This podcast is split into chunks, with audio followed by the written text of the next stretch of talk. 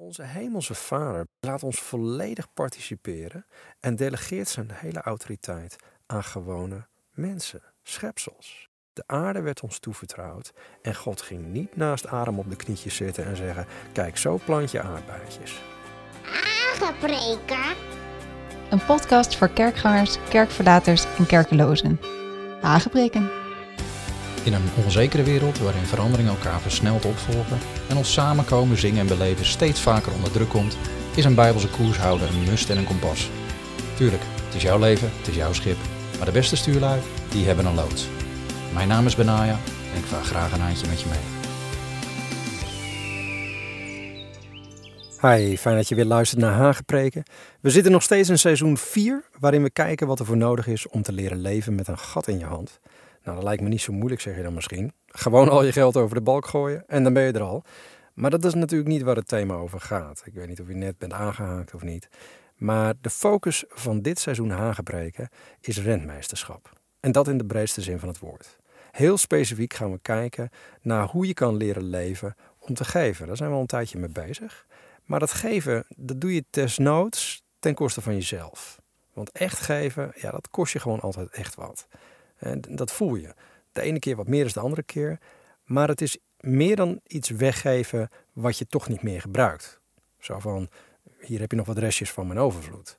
Uh, um, of zo. Nee, we kijken naar hoe je kan geven zoals de Heer Jezus dat deed. En hij deed het tot het uiterste natuurlijk. Hè, tot hij zijn leven voor ons gaf, letterlijk. En zijn handen werden doorboord. Daar komt dat gat vandaan. Zo stierf hij aan een gruwelijke marteling, een martelwerktuig, om ons te redden van een eeuwige ondergang. Ja, en dat laatste is natuurlijk een bekend verhaal voor heel veel luisteraars van deze podcast. Maar toch, wen er maar aan als je vaker luistert, dit zal steeds weer terugkomen. En misschien vooral wel omdat als je niet uitkijkt, dit misschien wel een beetje te bekend voor je kan worden. En tot op het punt dat het je niks meer doet. Ik weet niet of je dat herkent, maar als tiener, als jonge tiener, hoor ik deze verhalen voortdurend. En, en toch kwam ik niet tot een levend geloof in de Heer Jezus. Het verhaal was op een gegeven moment gewoon te bekend geworden. Het leek te uitgemolken. Het kwam te vaak voorbij. Elke keer weer dat kruis. Ja, en op een gegeven moment wist je het allemaal wel. En dan was je er klaar mee. Het klinkt wat bot en oneerbiedig misschien, maar ik vroeg me op een gegeven moment wel af: hoe lang kan een mens enthousiast blijven over dat ene verhaal? En dat is een realiteit. Ook nu. Het is daarom nog een, denk een hele kunst voor de generatie die het wel beleeft. Om de reddingsmissie van de Heer over te brengen op de volgende generatie. Op een manier dat het ze ook echt nog pakt. Ik merkte voor mezelf wel later, toen ik tot een levend geloof in God kwam. En hij in mijn leven dusdanig nadrukkelijk naar binnen stapte. Dat ik toen niet meer kon ontkennen dat hij echt bestond. En dan leer je Gods stem verstaan. Ja, en toen wist ik, dat in het hier en nu hij deel van mijn leven wil uitmaken. En dat maakt dat kruis ineens wel weer relevant. Dus, maar voordat je op dat punt bent, dat is nog best een, uh, een zoektocht voor heel veel mensen. Aan de andere kant geloof ik toch ook niet dat we alleen maar moeten stilstaan bij het kruis. Want ja, die heb je natuurlijk wel. Je hebt predikers die alleen maar het willen hebben over het kruis, het kruis, het kruis. Maar Paulus nam zich voor om niets anders te weten dan Jezus Christus en die gekruisigd. Hè, 1 Korinthe 2. Oftewel, we moeten zeker praten over wat Christus deed en dat kruis, maar ook over Christus zelf en wat zijn uiteindelijke missie was. Ja, en dat was niet alleen sterven. Christus is niet langer dood. We staan dus niet uh, aan dat kruis voortdurend. Hè. We slaan onze tent er niet op. Veel christenen doen dat natuurlijk wel, maar die leven meestal in een soort van permanente toestand van zondebesef, vergeving vragen, God danken en dan opnieuw weer. Weer zondebesef, terug naar het kruis, vergeving vragen enzovoort. Maar ik geloof dat het kruis ons in staat stelt om te gaan leren leven zoals God het voor ogen had. En het is dus nodig om op een gegeven moment verder te trekken in de kracht van wat er door het kruis is gerealiseerd, maar dan wel voorbij dat kruis. Jezus' einddoel was niet sterven, het was opstaan uit de dood, zodat hij ja, ons binnen kon brengen waar hij nu is, op dit moment, in een nieuw leven. En ja, zijn dood vergold natuurlijk de schuld die op ons lag, maar het was zijn opstanding waardoor hij voor God de Vader kon pleiten als hoge priester dat die schuld nu ook daadwerkelijk is ingelost.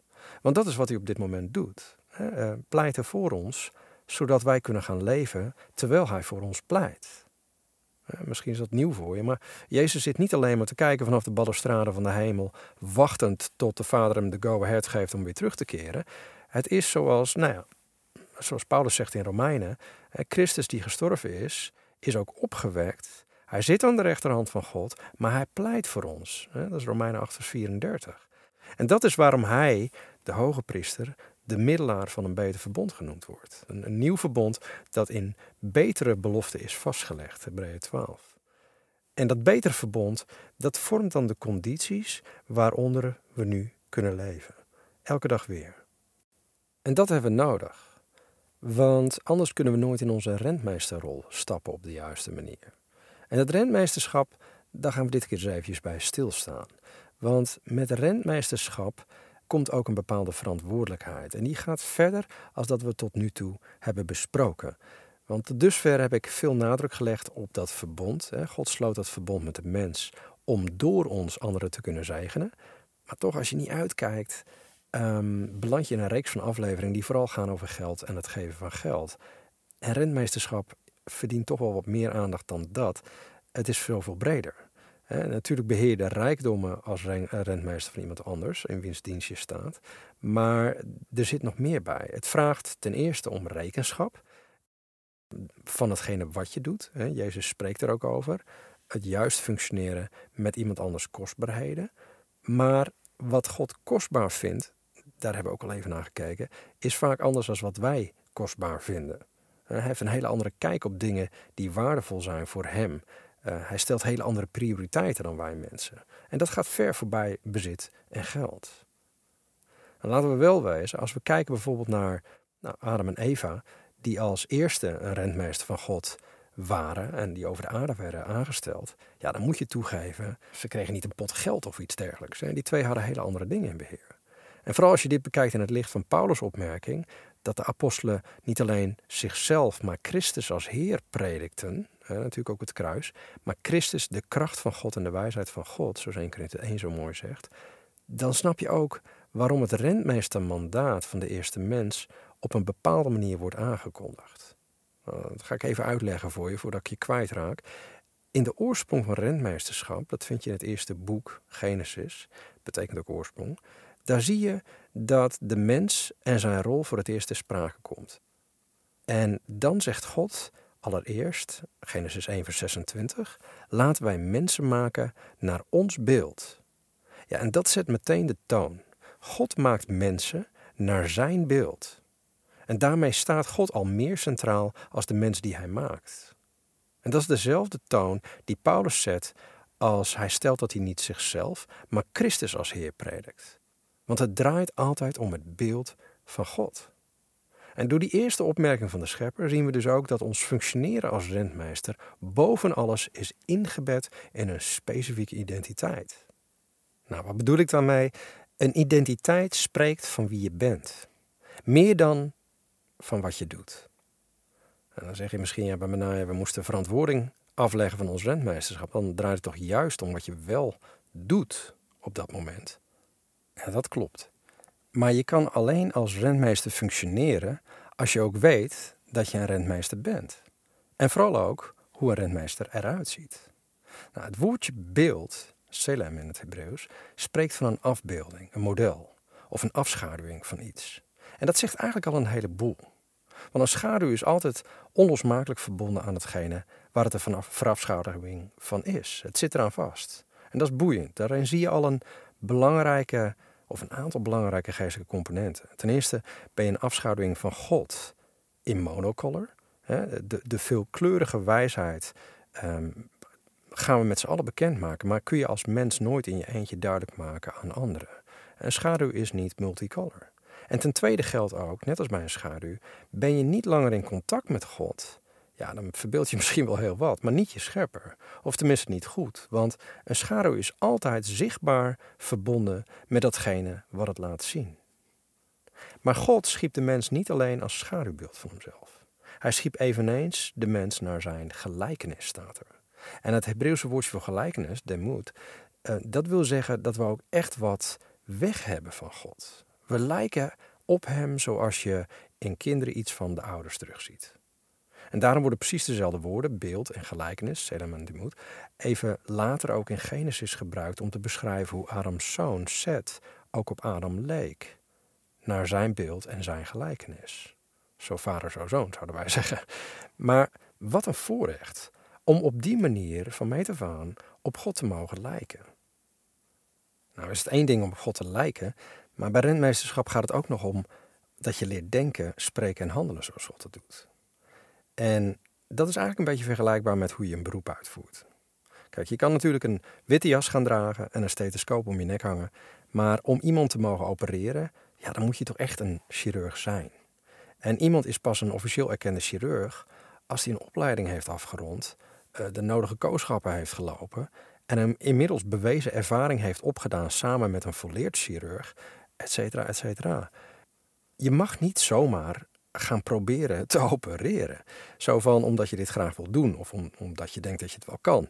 Nee, je krijgt pas een operatiepatiënt onder handen als jij daadwerkelijk chirurg bent. En je zou ook wel zot zijn om je te laten opereren door iemand als hij zegt dat hij het wel kan of wil proberen. Je wil zeker weten dat iemand de skills en de kennis in huis heeft. En dan nog eens het link. Hè. Uw gast heeft zeven operaties moeten doorstaan. Um, waarvan de laatste drie de puinhopen van de eerste vier moesten fixen. Dus ik zeg sowieso aan mijn lijf geen Polonaise meer. Maar goed, het punt is duidelijk. Iedereen wil een expert. Je wilt een, een tandarts die echt tandarts is. En een aannemer die ook echt timmerman is. Enzovoort. Als je namelijk niet weet of iemand ook is wie hij zegt te zijn, ja, dan sta je straks met een mond vol doorboorde tanden en zenuwschade. Of blijf je zitten met een help mijn man klusserbouwval van een huis. Ja, enfin, je begrijpt mijn punt wel. Je moet eerst iets zijn voordat je iets kan doen. Want je zijn geeft de garantie van wat je kan doen. Zo simpel is het. Dat geldt overigens zelfs voor onze God. Daarom zit het principe zelfs in zijn naam ingebouwd. Weet je dat? Even een konijnenpaadje misschien, maar als Mozes naar Egypte wordt gestuurd om de Israëlieten uit slavernij te leiden, dan vraagt hij aan God: Wie zal ik zeggen die mij heeft gezonden om dit klusje te klaren? Even vrij vertaald. En God volstaat dan met te verklaren: Ik ben die ik ben. Ja, waarom zo'n cryptische naam, vraag je af. En natuurlijk zit in die naam, theologisch bekend als de tetragramon, de vier letters JHWH, Yahweh of Jehovah, daar zit veel meer in dan we nu kunnen behandelen. Maar het zegt vooral: Ik ben wie jij zoekt. Als jij je afvraagt of ik alles wel kan doen wat je nu nodig hebt, ja, ja, ik kan je bevrijden. Ik kan je beschermen, in je noden voorzien, je genezen, voor je vechten, je toekomst geven enzovoort. Want ik ben die bevrijder. Ik ben jouw beschermer. Ik ben je voorziener, je geneesheer. Ik ben de veldheer van de hemelse legermachten en de leidsman van je geloof. Ik ben die ik ben. Ik ben degene die jij zoekt. Prachtig. Bijna soort carte blanche. Vul het maar in. Ik ben het. Wat een God hebben wij. Nou, terug naar de basis van onze rentmeesterschap en Genesis. Adam en Eva werden gemaakt naar het evenbeeld van die ik ben. Zodat de schepping in hun God de schepper zouden kunnen herkennen. Zij verbeelden letterlijk de schepper. Ja, let wel, ze beelden zich niet in dat ze zelf scheppers waren. Ze verbeelden hun schepper. En dan weet ik wel, in het Nederlands zeggen we wel eens zo is van ja, wat verbeeld jij je wel niet? Dat klinkt negatief, maar verbeelden is feitelijk positief. Want je zet een accuraat beeld neer. In dit geval van God. En dat, dat hebben mensen nodig. Want de meeste mensen hebben nu eenmaal een ja, vrij vertekend beeld van God. Vandaar dat de Bijbel ook stelt dat de schepping met rijkhalsend verlangen uitkijkt naar het openbaar worden van de kinderen van God. Romeinen 8, vers 19, bekende tekst. Ja, waarom?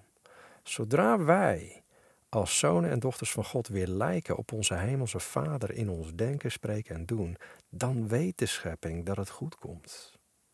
En daarom is vanaf het begin duidelijk dat dit lijken op God Adam en Eva enerzijds een, natuurlijk een bepaalde verantwoordelijkheid gaf, namelijk om te heersen op een manier zoals de Heere God het zou doen.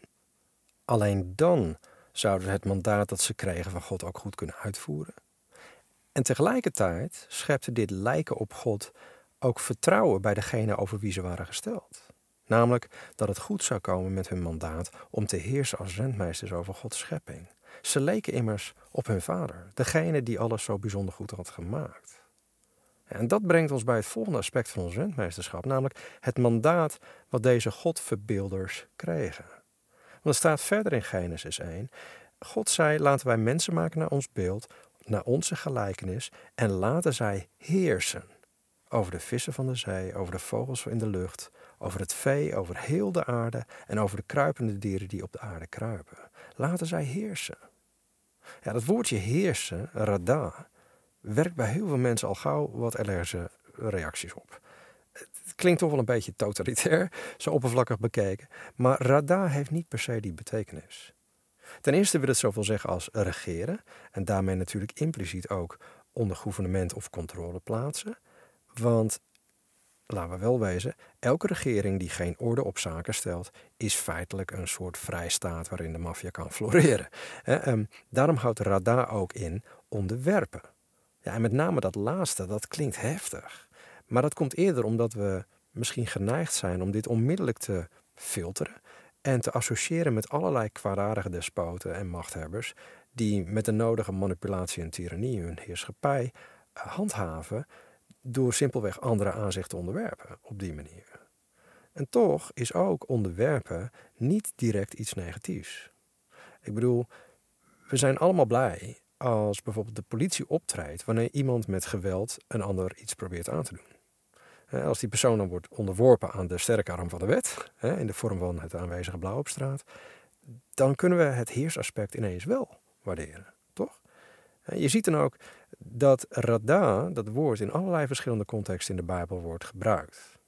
In, natuurlijk in de context van slavernij, waar onderwerping duidelijk negatief is, maar ook neutraler, zoals in de context van iemand die een stel arbeiders overziet. Uh, een werkgever, zeg maar, of een opziener. Of van een koning die over zijn koninkrijk is gesteld. En het wordt zelfs gebruikt om de autoriteit van het priesterschap te onderstrepen. In Jeremia 5 lees je dat.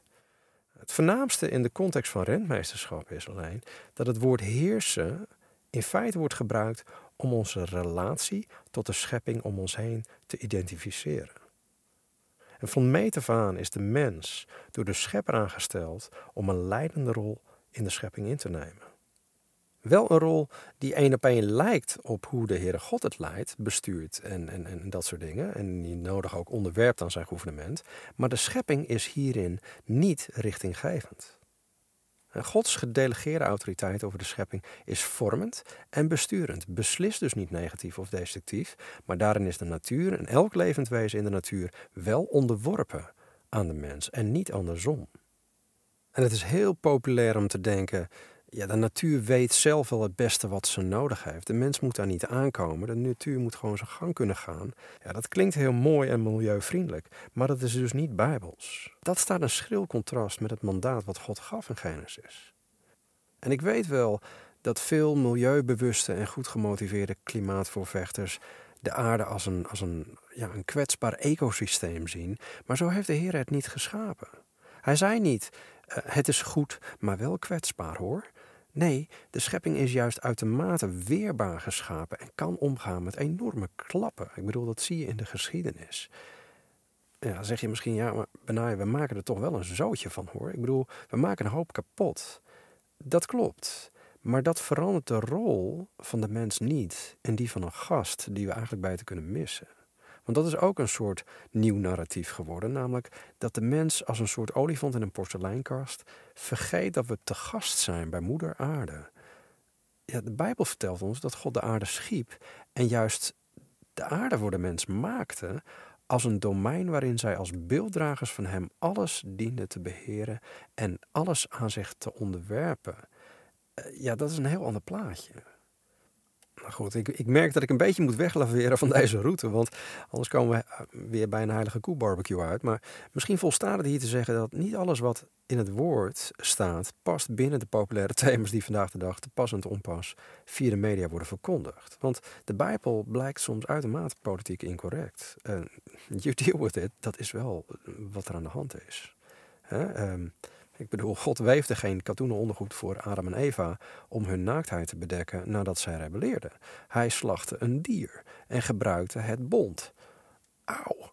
Um, ook, ook zei hij van ja, uh, het vuur in de tempel moet blijven branden, 24 uur 7. En zover ik weet ging dat niet op wind- of zonne-energie, Maar moet je eigenlijk niet mee aankomen binnen het huidige, huidige narratief van hout is fout. Een schepper die milieu-onvriendelijke offers instelt en dat ook nog eens aanneemt, eh, ja, weet hij dan niet dat dit uitermate schadelijk is voor de gezondheid en slecht voor het milieu? Hout, uh, boeiend. Um, het geeft te denken of de schepper het goed heeft of wij. Maar goed, aan de andere kant, je leest wel over die um, over die schepper op een bepaalde manier. Hè. Voor je mij nu als milieu-onvriendelijk of klimaatterrorist wil bestempelen, geef ik je dit mee wat betreft onze rol om te heersen over de schepping. Als wij gemaakt zijn om God te weerspiegelen. En als je ziet hoe de Heere God heerst, ja, dan kun je eigenlijk geen bezwaar maken. Want er staat ook dat hij zorgt voor de vogels en de bloemen, hoewel het maar weinig mensen opvalt. Hè. In Lucas spreekt eh, Jezus erover. Maar ook in de psalmen schetst hij bijvoorbeeld heel mooi, in psalm 68 lees je dat, dat hij een vader is van de wezen en een rechter van de weduwe. En een God die de eenzame in een huisgezin plaatst, de gevangenen uitleidt in voorspoed. En de opstandigen wonen ondertussen in een doorland, staat er. En ook aan het laatste zinnetje zie je dan, als je hem erkent als Heer over je leven, dan gaat het je goed. Maar als je in opstand tegen hem komt, tegen zijn heerschappij, ja, snij je eigenlijk jezelf in de vingers. En dat terwijl hij juist een God is die samen met jou als mens wil optrekken. Want misschien is dat wel het meest verwonderlijke, dat God zichzelf niet als een absolute top-down autocraat heeft neergezet. Iemand die zich overal mee bemoeit en de kaarten zo dichtbij houdt dat zijn schepping maar moet afwachten wat er van de tafel valt aan kruimeltjes. Ehm, dat is alleen wel het beeld wat heel veel mensen hebben als ze zich God proberen voor te stellen. En dat is ook de reden dat, nou, bijvoorbeeld dat mensen denken dat de God van islam dezelfde God is als degene die de Heer Jezus verbeelde en introduceerde aan ons toen hij nog op aarde rondliep. Maar niets is minder waar. En de God van islam is een God die zich niet laat kennen door zijn onderdanen. En die verwacht alleen onderwerping aan zijn absolute heerschappij. Het woord islam betekent ook onderwerping. Maar dan wel op een manier die alle autonomie en zelfbeschikking uitschakelt. En juist dat is een schril contrast met onze God. Ja, ik zit een beetje, toch een beetje op de heilige koe barbecue dit keer, merk ik. Maar ook hierin het feit dat beide worden gepresenteerd als enige scheppen van alles wat er is, wil duidelijk niet zeggen dat we het over dezelfde persoon hebben. Ik maak hier echt even een punt van, omdat ik in mijn tijd in het Midden-Oosten hier al tegenaan liep. Christenen die door het gebruik van dezelfde terminologie van het woord God binnen islam en christendom ook de semantiek, de, de betekenis of de invulling van wie God is, één op één doorvertaalden, ja, dat heeft grote gevolgen. En niet alleen voor je beeld van rentmeesterschap. Het werkt ook uitermate verwarrend als je iemand moet discipelen die in feite de Heer Jezus moet proberen te passen in zijn bestaande islamitische godsbeeld. En toen ik een van mijn eerste discipelen in Jordanië tot de Heer mocht leiden, liep ik hier keihard tegenaan. Het was een jonge man, Bashir, ik geloof dat ik hem wel eens eerder genoemd heb. Die, die was op een dag tegenover de moskee gaan zitten om te kijken hoe zijn medegelovigen uit de samenkomst kwamen. En het viel hem op dat iedereen serieus of zagrijnig keek. En die zondag daarna ging hij om die reden tegenover de kerk zitten om te kijken hoe dat onder christenen ging. En toen viel het hem op dat iedereen heel amicaal met elkaar omging, vrolijk keek, geintjes maakte. Wat leuk, dacht hij. En toen besloot hij om naar de kerk te gaan, tot grote consternatie van zijn familie natuurlijk. En alle missionarissen die ook in die kerk zaten, die zeiden: Kijk, hè, zeiden ze tegen mij: Bashir gaat naar de kerk. Ja, ik was alleen wat minder onder de indruk, omdat hij ook nog steeds naar de moskee ging. En daarin geen verschil zag in wie God was. En ik nam hem dus mee naar het Hyatt Hotel op een gegeven moment, omdat ik wist, nou ja, daar zitten overwegend buitenlanders en uh, daar kunnen we even rustig praten. En dat werd een hele lange avond. En op die avond probeerde ik hem duidelijk te maken dat hij te maken had niet met een andere religieuze beleving, maar met een hele andere God. En dat kon er bij hem niet in. Zijn argument was dat, eh, het argument wat zelfs zendelingen hanteerden, wij geloven allemaal dat er maar één God is, één schepper, en dat de mens aan hem verantwoording verschuldigd is. We moeten allemaal verantwoording aan hem afleggen. Ja, en dat zijn God zijn zoon zond om voor hem te sterven, dat ervaarde hij als pure logica. Zo van, we redden het niet zelf om goed te zijn, die conclusie had hij al getrokken, maar dat zag hij als verenigbaar met, met, met, met hetgene wat hij al had geleerd. Het was pas diep in de nacht dat het muntje viel bij Bashir. En dit kwam toen ik hem vroeg, hoe leerde de Heer Jezus ons bidden? Nou, inmiddels was hij al een paar weken naar de kerk gegaan en kende hij de liederen en gebeden al redelijk. Dus dreunde hij als vanzelf in het Arabisch op. Abana alladhi fi samawat, liyata sismuka. Oftewel, onze Vader die in de hemel zijt, uw naam worden geheiligd. Hè? Ik zei, stop, overnieuw. Dus toen keek hij me een beetje geamuseerd aan en dacht even na. En toen begon hij opnieuw. Hè? Onze Vader die in de hemel zijt, uw naam worden geheiligd. En ik zei opnieuw, stop, langzamer. En denk eens goed na over wat je zegt. Ik weet nog dat hij zat te fronsen en toen begon hij heel voorzichtig. Onze Vader die in de hemelen zijt. Ik zei wat zei nou net? En weer zei hij, Abana, onze vader. En toen drong het tot hem door. Nee, haram, zei hij, dat kan niet. En toen vertelde ik hem dus dat Jezus niet alleen voor ons stierf om ons de schuld te vereffenen, die we hadden vanwege onze zonde, maar ook zodat wij opnieuw beelddragers van God zouden kunnen worden, zoals een zoon op zijn vader lijkt. Onze vader. Ja, voor een moslim is dat je reinste heiligschennis. De ergste vorm van zonde, haram. En precies dat is cruciaal, ik noem het even, voor ons begrip van het reddings- en verzoeningsplan van God. Dat God meer van ons verlangt dan dat we als zondaars tot inkeer komen. Hij verlangt erna een vader voor ons te zijn. Want dit definieert niet alleen zijn God zijn in relatie tot ons, maar het, het dicteert ook hoe wij ons mogen opstellen in relatie tot Hem en in ons functioneren naar de wereld om ons heen. Ja, dus, dus ieder die die Bijbel en de Koran ook naast elkaar legt, ja, die kan niet anders dan tot de conclusie komen dat Allah een, een totaal ander personage is met een heel ander karakter dan Yahweh, de God van Israël.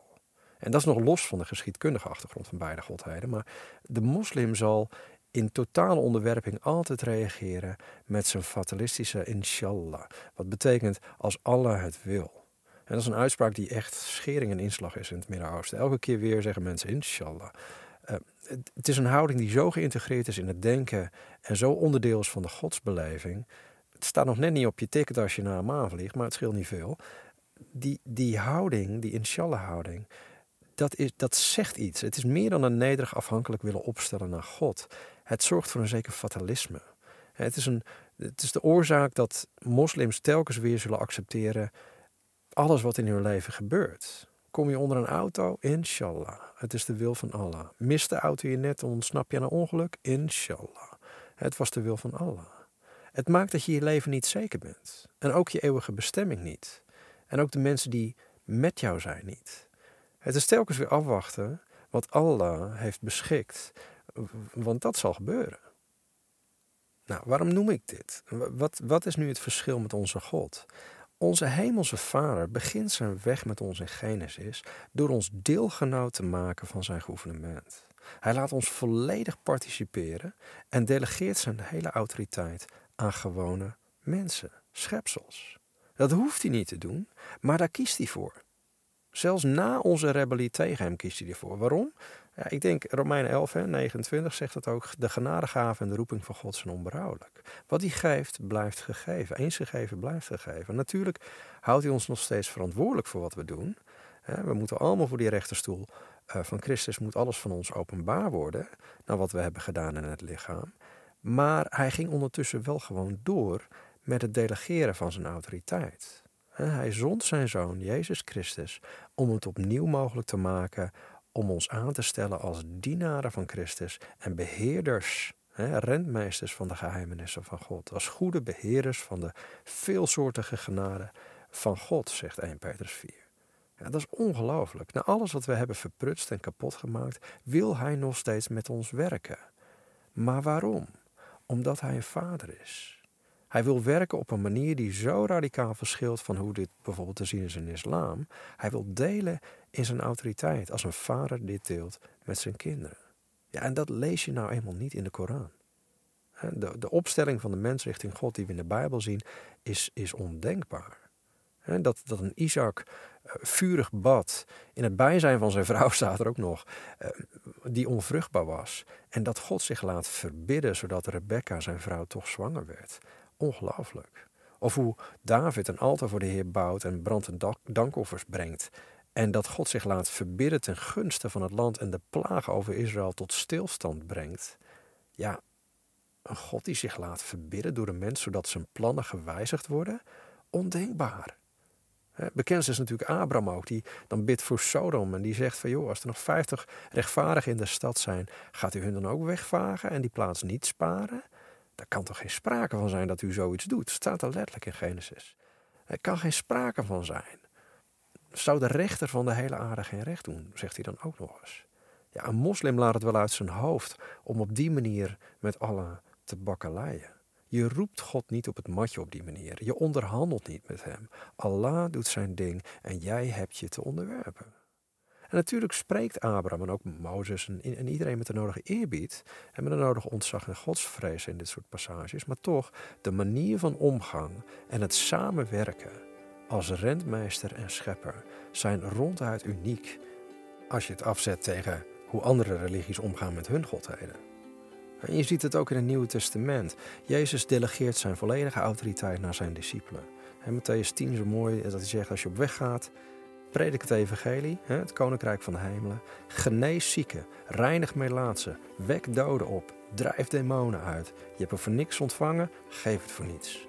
Dat is bijna niet voor te stellen. Zelfs vandaag de dag kunnen heel veel christenen zich dat niet voorstellen. Dat de Heer Jezus dat doet. Ja, dat hij het doet. Hij is de Messias. Hij is de Zoon van God. Maar dat jij hetzelfde wordt geacht te gaan doen. Wauw. Ik denk dat Jacobus Filippus aankijken en zei dood opwekken. Uh, jij eerst. maar later lees je, als de Heer Jezus al is opgenomen in de hemel, dat de discipelen nog steeds overal heen gingen om te prediken. En dan staat er, de Heer werkte met hun mee en bevestigde het woord door de tekenen die erop volgden. Marcus 16 lees je dat.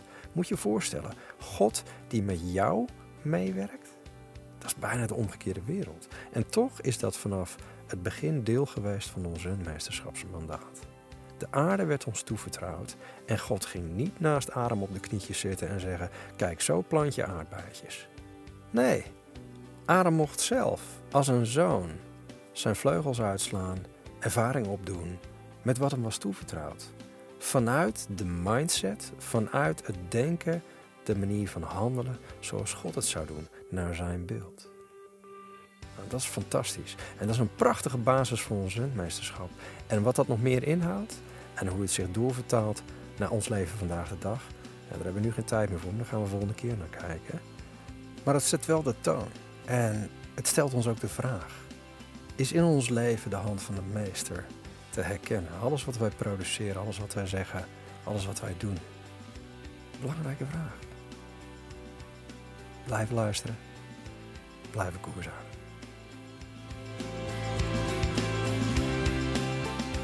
En heb je vragen, aanvullingen of opmerkingen?